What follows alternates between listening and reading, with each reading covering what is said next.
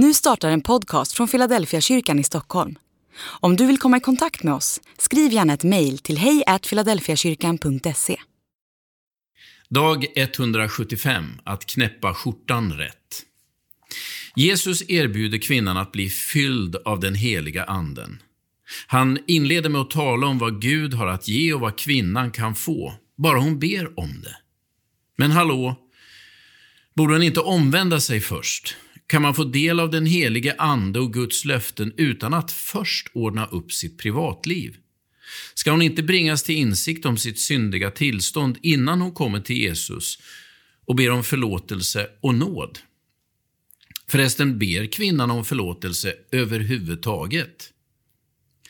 Sören, en av mina kollegor, brukar ibland tala om att knäppa skjortan rätt. Om man börjar med fel knapp blir resten också fel. Så vilken knapp ska man börja med när det gäller evangeliet? Syndknappen eller löftesknappen? Det verkar som att Jesus ger sina löften till kvinnan utan några finstilta villkor. Om hon vill kan hon bli fylld av Anden. Privatlivet blir en senare fråga. Samma sak tycker jag mig se i Pauli brev till församlingarna, som ibland är på väg att knäppa om skjortan i fel ordning. Gång på gång påminner han församlingen i Korint om kraften i evangeliet och om hur den heliga anden har rört vid dem när de kom till tro.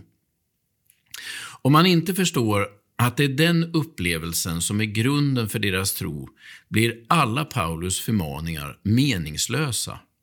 Han återvänder gång på gång till grunden för deras tro i sina brev. Till upplevelsen av Guds kraft genom den heliga anden, rakt in i deras liv. Likadant är det i Galatien. Trots att galaterna hade börjat snegla på en hemsnickrad självrättfärdighet istället för att lita på Jesus och trots att Paulus tar i så han nästan spricker för att få sneseglarna på rätt köl igen, är det ingen tvekan om att deras tro börjat med en stark upplevelse av Andens närvaro och kraft. Har allt ni varit med om varit förgäves? Det kan inte ha varit förgäves, skriver Paulus med förtvivlan i rösten. Och så fortsätter han med att hänvisa till den upplevelse som är själva grunden för deras tro. När han nu ger er anden och låter underverk ske bland er, är det för att ni fullgör lagen eller för att ni tror på vad ni har fått höra? Frågan är retorisk, det vill säga alla vet svaret.